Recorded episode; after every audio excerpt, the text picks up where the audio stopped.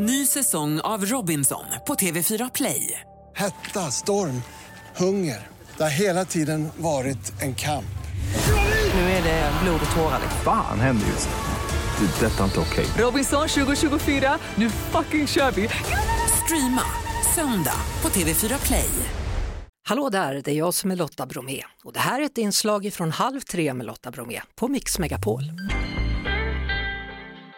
1999, ja det var för första gången som man då firade kanelbullens dag. Ett initiativ av Keith Gardestedt som då arbetade på Hembakningsrådet, en organisation som startade ett, startades av livsmedelsföretag för att främja just bakning.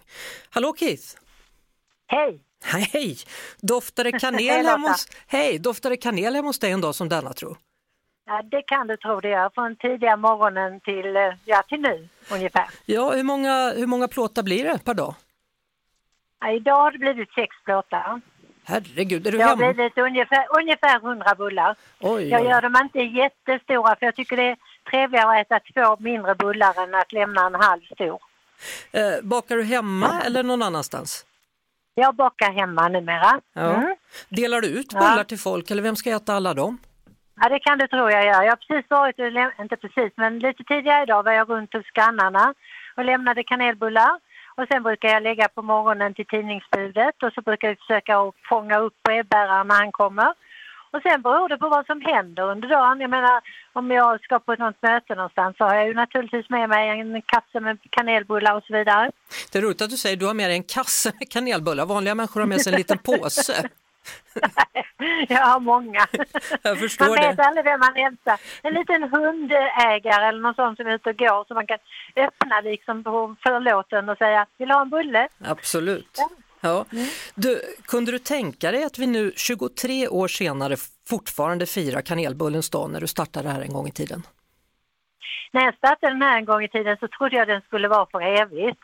Alltså det var mina planer. Jag har alltid höga ambitioner med det jag sätter igång så att eh, ja, det blev ju så. Ja, och då den gången då så sammanföll det med internationella barndagen och du hade en tanke där om att pengar från försäljningen av bullar skulle skänkas. Så blev det kanske inte riktigt, eller? Nej tyvärr. Alltså tänk idag säljs det kanske 7, 8, 9 miljoner kanelbullar i Sverige. Mm. Tänk om Bageriförbundet hade följt mitt råd och gått in i Kanelbulleakademin och så stift- stiftade vi en fond. Om de la bara 25 öre per bulle hade det blivit massor av pengar som man hade kunnat skänka till någon hjälpverksamhet. Mm. Hur, hur firar du dagen nu för tiden då? Du skänker bullar i alla fall? Jag skänker bullar. Jag skänker bullar. Jag svarar på telefonsamtal och mejl och ja, jag propagerar ju för den här dagen alltid. Mm. För att, alltså det är så här att jag älskar att fira födelsedag och nu har jag ju fått en extra att fira. Ja, gör du, Ja, och det är inte dumt alls. Nej, gör, gör du tårtor och sånt också eller? Inte till kanelbullens dag, men eh, till min egen födelsedag gör jag. Jaha. Ja, hur stora är de då? Om, om, de, om du gör så här många bullar, hur stora är tårtorna undrar man ju. ja, de är inte jättestora utan de är, de är på, jag menar kommer det 30 gäster så gör jag väl tre tårtor med 10 bitar i var eller 12. Ja, ja, ja. Mm. Så det, får ju bli don efter person. Nej men det är jättehärligt. Har du ätit kanelbulle idag då? Ja, ja, jag fick faktiskt två stycken här hittills. Ja, det är, gull, det är jättehärligt. Ja. Och sen har du, har du tänkt på att förr i tiden så var det snäckor. Alla kanel, då 99, då ville jag att det skulle heta kanelsnäckans dag. Mm. För här nere i Skåne så säger vi snäcka. Men eh, nu är det ju bra att det heter kanelbulle för nu gör ju alla knutar istället. Ja, alltså vilken sort gör du då? Vilken är den perfekta bullen enligt dig? Det finns ju så många olika. Har jag bråttom så blir det kanelsnäckor. För att då är det ju bara att göra rullar och så skära av och, och lägga på plåt eller på sådana här bakpapper. Mm. Har jag gott om tid då gör jag lite roliga former. Då kan jag göra liljor eller jag gör sådana här eh, knutar som är så vanliga nu och så. Mm. Och knutarna är bra på det sättet att då fördelas fyllningen på ett lite annat sätt än de gör i själva snäckan. Ja, Så att eh, det det alla sätt är bra utom de dåliga som de säger. så, så vad dricker du till dina bullar då tro? Ja, jag dricker ju kaffe nu, men när jag var barn så var det ju ett, ett eh, glas kall mjölk. Och det kan faktiskt... Nej, vänta, vi drack faktiskt kall mjölk idag. Det gjorde vi. När vi tog ut första plåten tidigt i morse Ja. så tog jag och min man ett glas mjölk till den ugnsvarma första kanelsnäckan, snäckebullen. Ja. Det, det var jättegott. Jag Så förstår lite det. sådär barnsligt nostalgisk och tänker på mormor och farmor och sådär. Ja, det är egentligen det, det första, när, när man eh, får barn, har lyckan att få barn, det är nästan det första man Ja. tänker att vad kul det ska bli att få baka mina första bullar till min dotter eller son. Så är det, det ingår liksom.